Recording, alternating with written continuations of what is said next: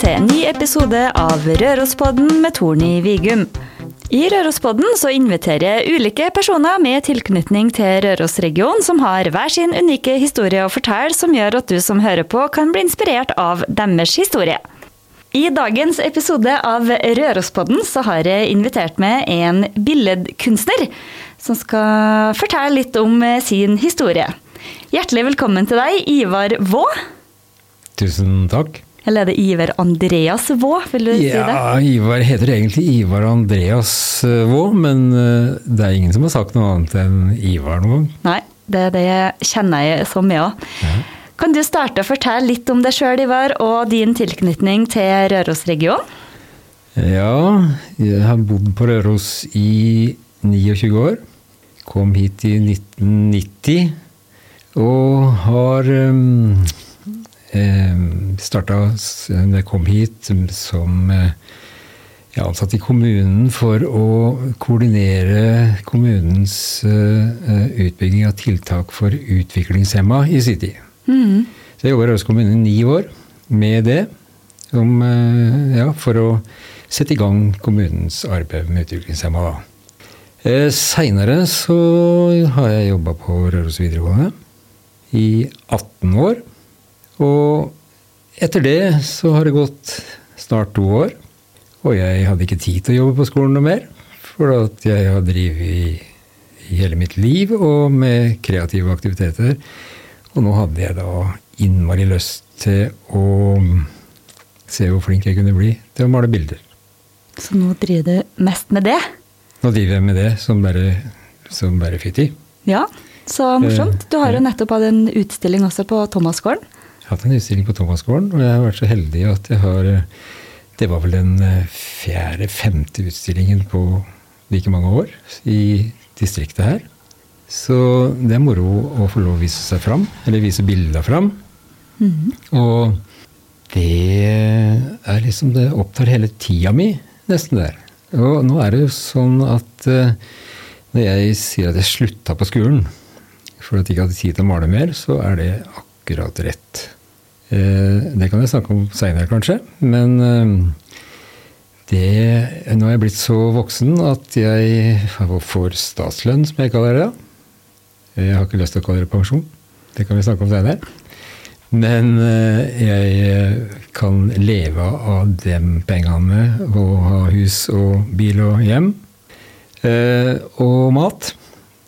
Og så kan jeg male uten at jeg trenger å tenke på det som levebrød. Så deilig. Ja. Du har jo, du har jo et Røros-dialekter, Ivar. Hvor er det du egentlig er fra? Opprinnelig?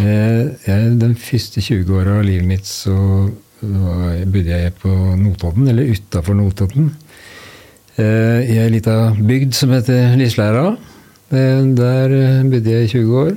Og når jeg var ferdig på gymnaset på Notodden, så flytta jeg til Elverum.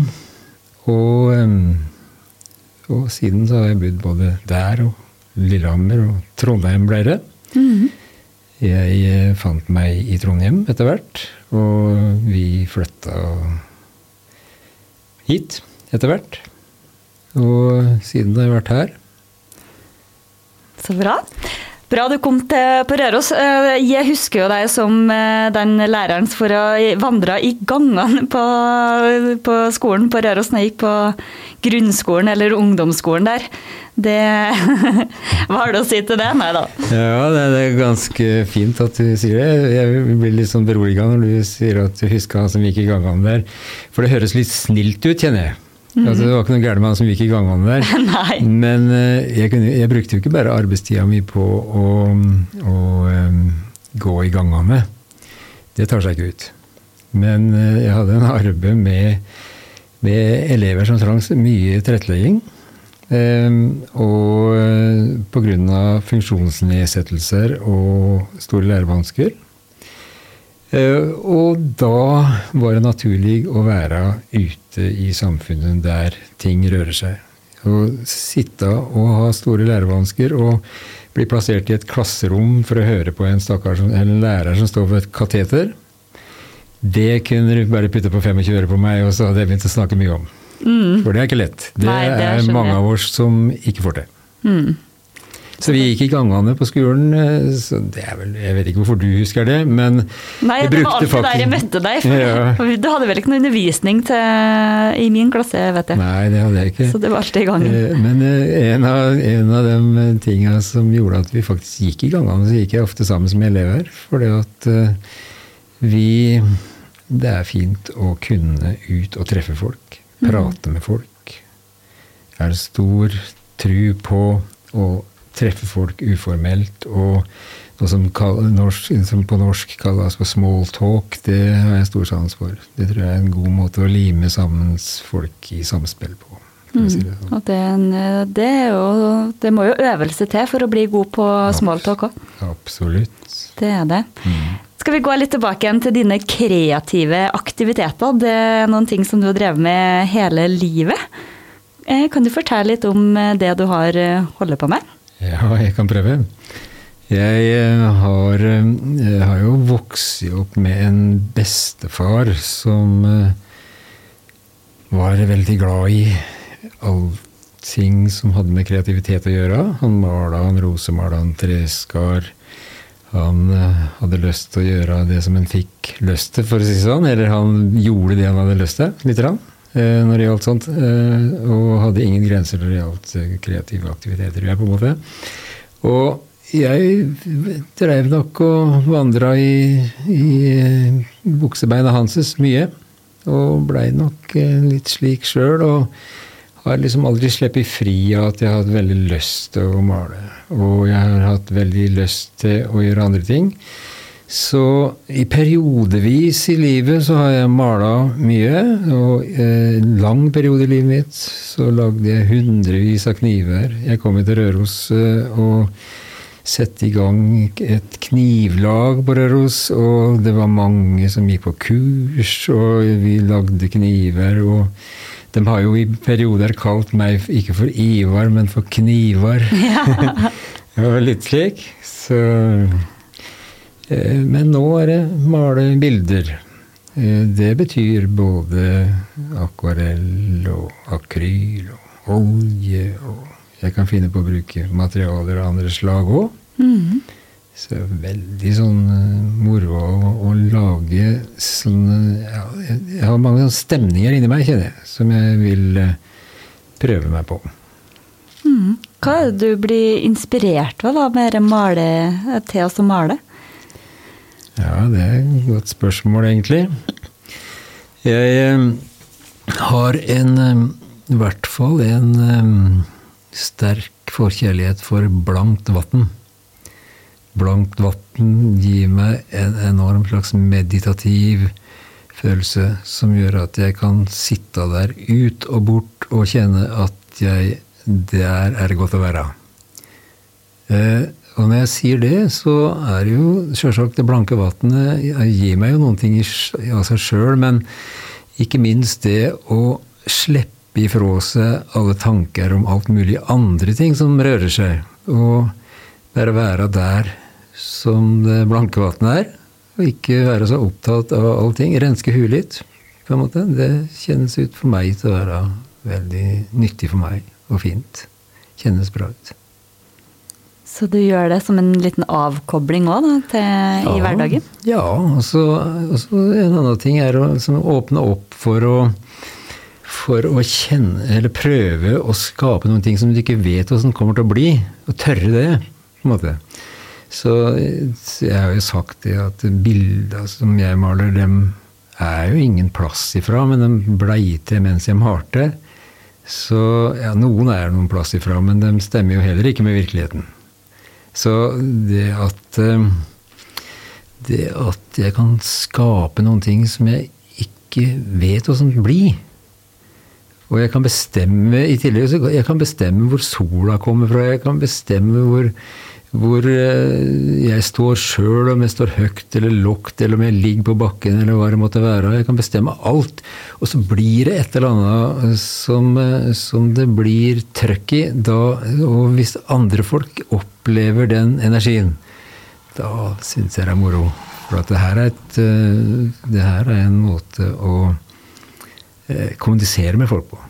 Og male bilder, vise bilder, og snakke snakke med folk om bilder, det dreier seg i hvert fall ikke minst om det siste for meg. Mm, og nå kan du jo bruke masse av tid på maling fremover. Ja, det kan jeg. Jeg, skal, jeg har eh, virkelig lyst til å gjøre det. Mm.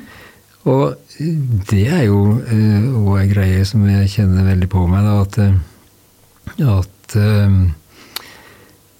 hvis jeg velger de tinga som, som, jeg brenner for, så er jeg lur med meg sjøl. For uh, hvis jeg går og sier til meg sjøl at jeg skulle mala mer, jeg skulle trena mer, jeg skulle gjort det, men jeg gjør ikke, så er det en måte å håndtere meg sjøl på som ikke jeg går for. Jeg har lyst til å velge de tinga som jeg kjenner er viktige for meg. Og da kan jeg tørre å si eh, noe som jeg har begynt å si mye, da. Og det er at jeg har et hav av tid. Og det kjennes sånn ut òg.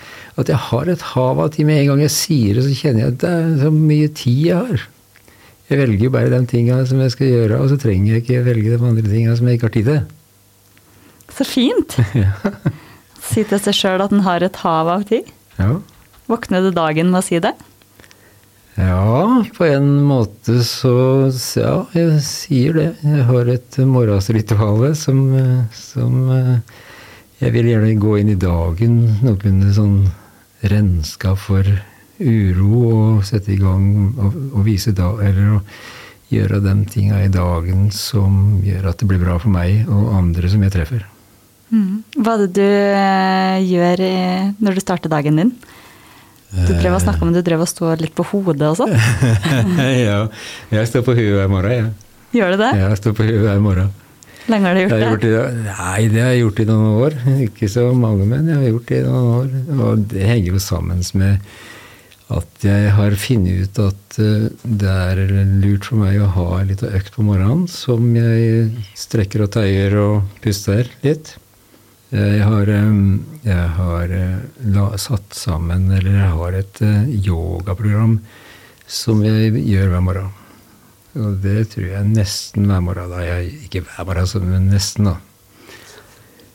Og begrunnelsen for at jeg vil det, det er akkurat det jeg sier, at eh, jeg vil starte dagen min med å sette i gang jeg tror, at, jeg tror at kroppen min trenger å få energien til å strømme over hele. Jeg tror at kroppen min er avhengig av å puste skikkelig.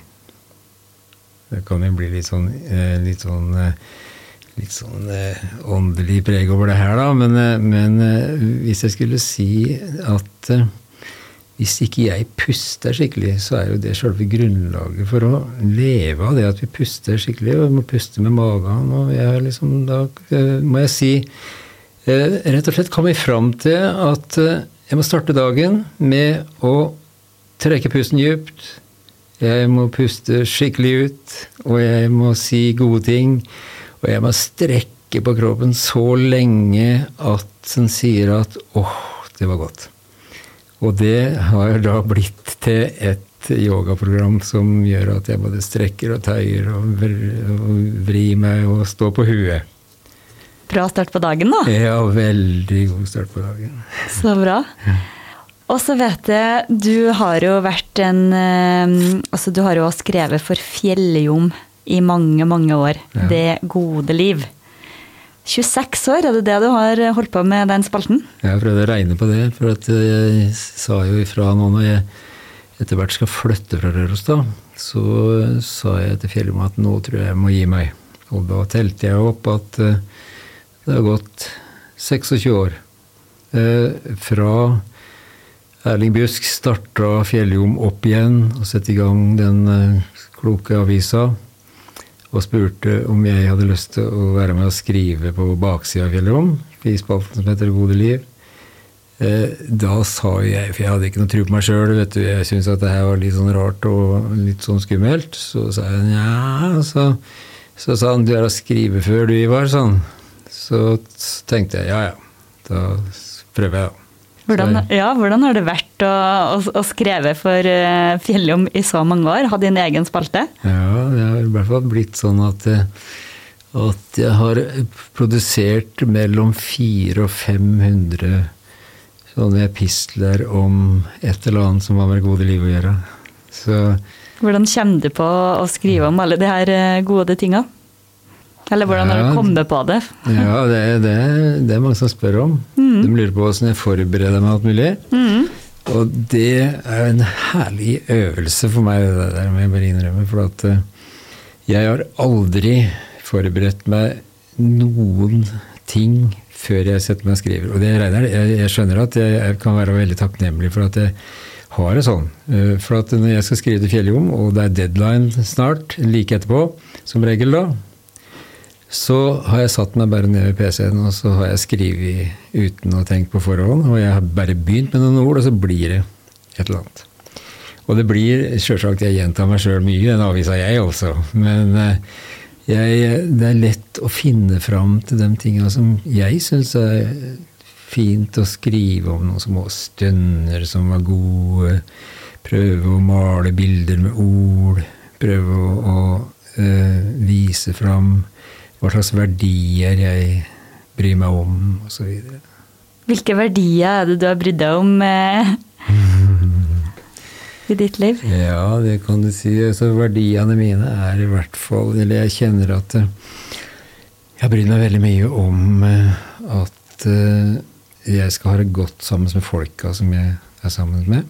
Det betyr jo familien min, sjølsagt. Ikke minst, da.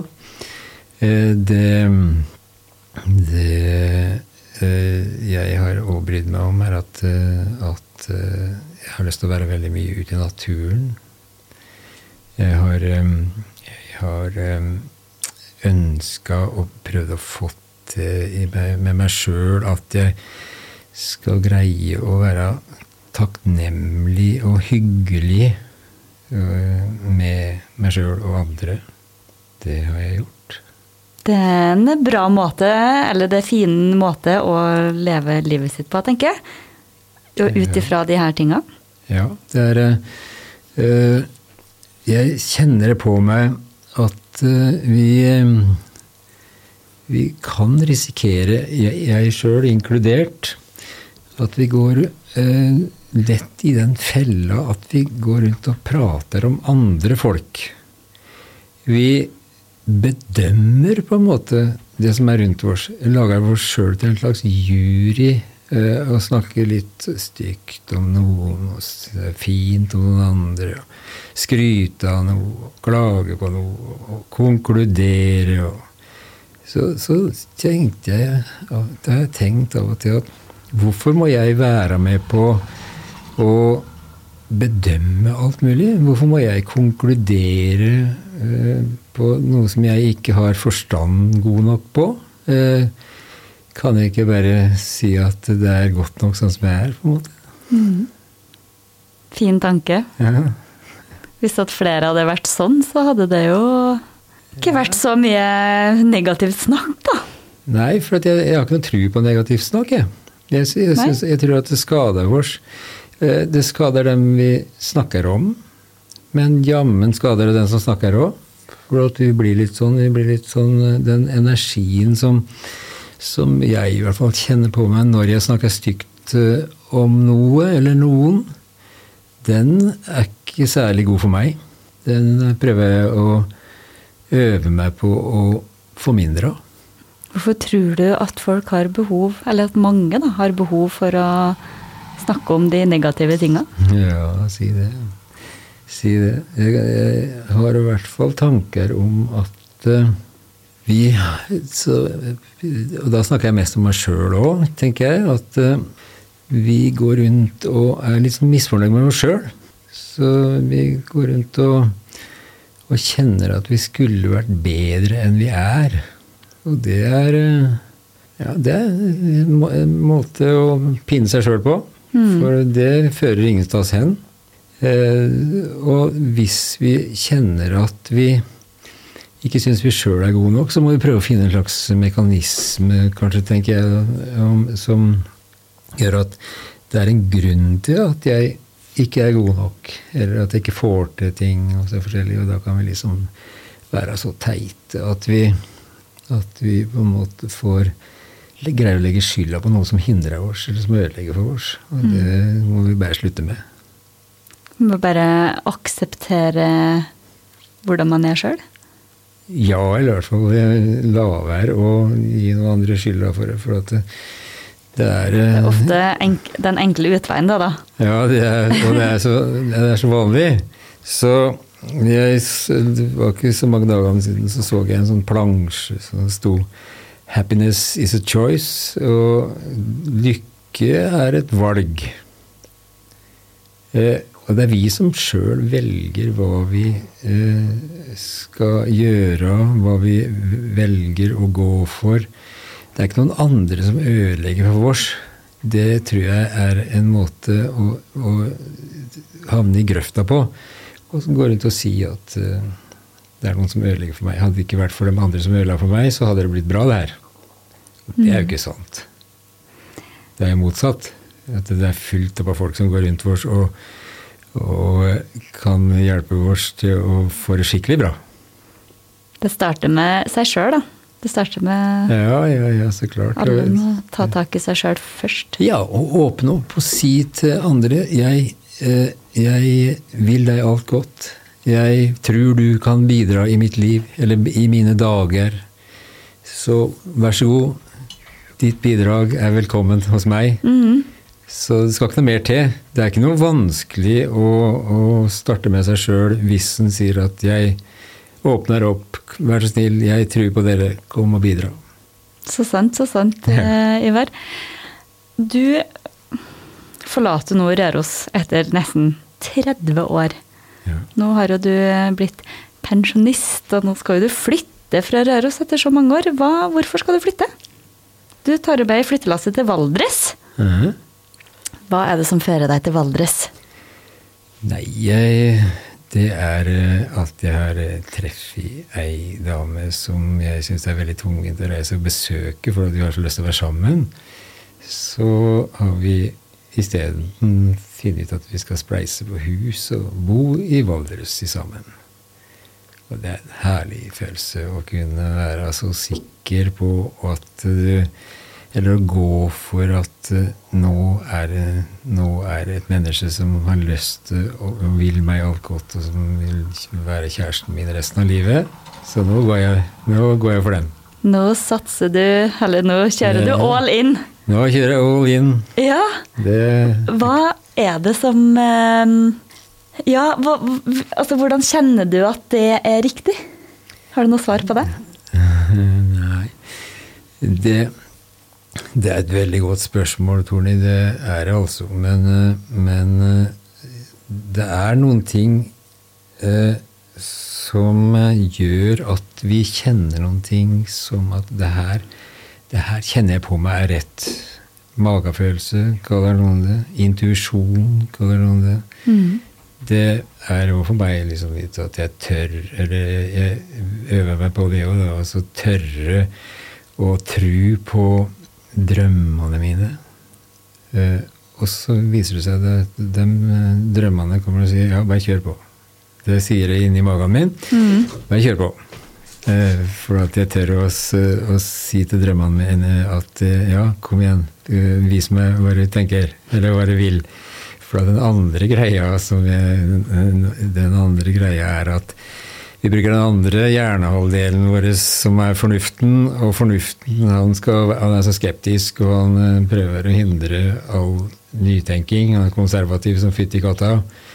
Og fornuften er bra å ha når du skal ordne opp i ting og gjøre ting. Men han kan ikke få lov å være med og bestemme hva som skal gjøres. Eh, Han kan være med å, gjøre det. Men han kan ikke få lov å være med og bestemme alt mulig, for da blir det ingenting. Så jeg, lytter, jeg kjenner på magen min at det her går så Det her kan jeg ikke la være. Jeg ser meg ikke tilbake, og jeg vil. Og det kjennes ut som hver gang jeg sjekker ut dere, så, så sier jeg 'kom igjen, kjør på'. Så det Ja, for du flytter jo snart. Du driver jo og Ja. pakker eskene dine nå, du. Ja, jeg gjør det.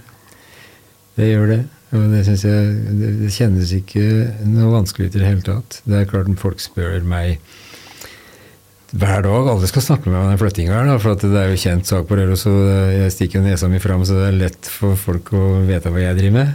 Så, så jeg snakker mange ganger om dagen om den flyttinga her. På skitur treffer jeg folk og snakker om dette, og i gata og på butikken, og gudene vet hvor jeg ikke snakker om det.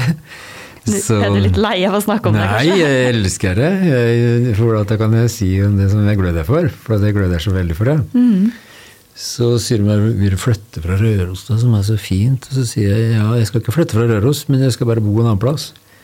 For at jeg har jo to unger som bor på Røros. Jeg har en som bor, ei som bor på Alvdal, og jeg har tre barnebarn på Alvdal.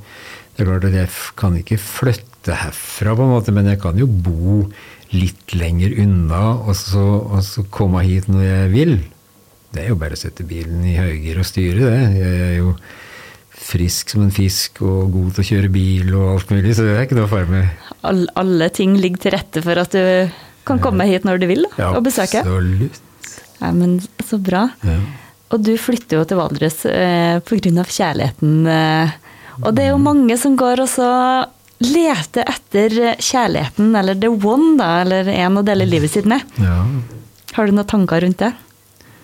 Ja, det har jeg lurt på hvorfor vi går rundt og leiter etter eh, noe som vi kanskje aldri kommer til å finne hvis vi ikke slipper opp, på en måte.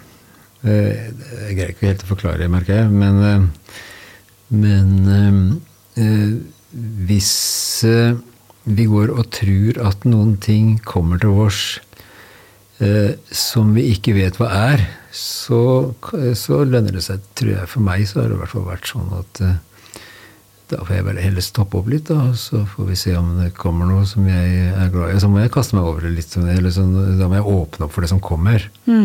Jeg må ikke gå rundt og avvise alt mulig og være skeptisk på alt som kommer til meg. For at eh, skepsis og den, den som jeg snakka om, den der fornuften, da Skepsisen og fornuften, den tror jeg spiller over sitt puss og, og gjør at vi satser aldri.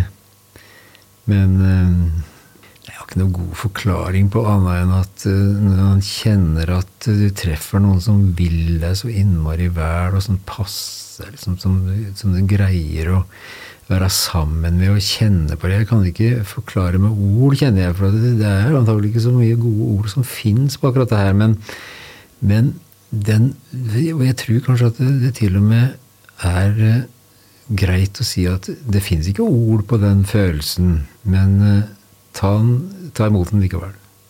Men det er ikke noe ord på det. det er, Nei, men å åpne opp for det som, eh, som kommer. åpne opp for det som kommer, og tørre å være klar.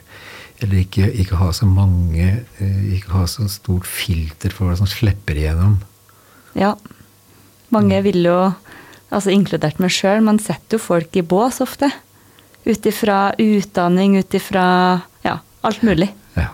Man bare slipper det.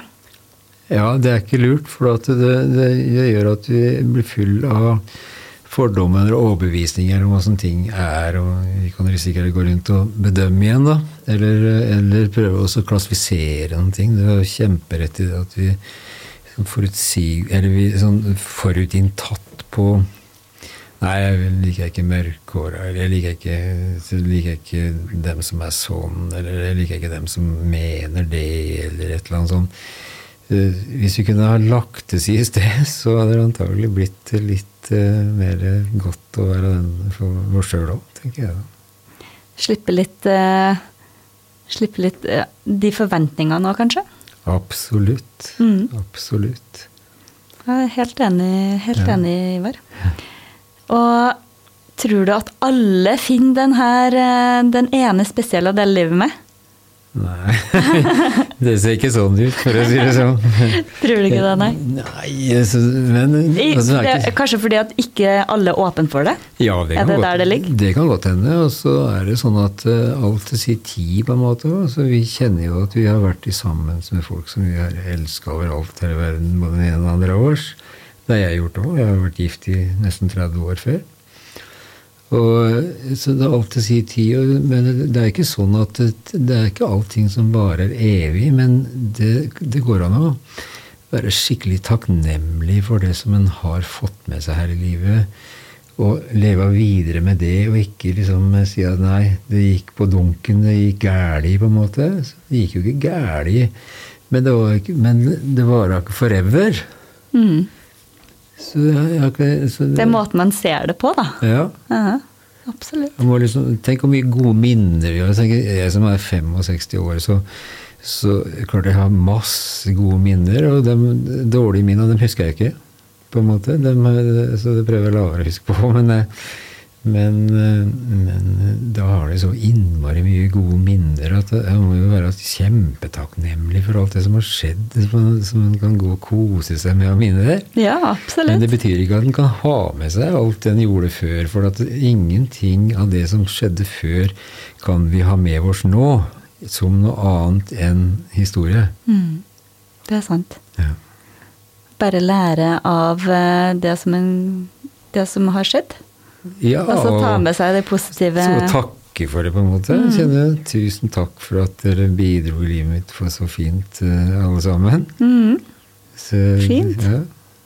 Har du noe livsmotto da, Ivar? Du har jo masse gode tanker om eh, Jeg greier ikke å formulere noen setning på det, nei. Nei. det gjør jeg ikke. Eller noe mantra, for det sa du jo. Du har jo et hav av tid, f.eks. Ja, jeg har det. Eh, nei, hva skal jeg si Når jeg gikk på Nei, altså jeg, jeg, jeg tror i hvert fall at um, jeg vil at, gå for det jeg kjenner på meg at jeg vil. Jeg eh, har ikke lyst til å gå og dvele i noe som ikke jeg altså, har lyst på én ting og gjøre noe annet, og kanskje ikke vite åssen de skal gå i gang med det nye. Det er det jeg prøver på nå. Så øh, å si at nei, jeg har, som jeg sa til meg sjøl, jeg er 40 år igjen av livet, og da skal jeg være glad, og jeg skal gjøre det jeg tror på.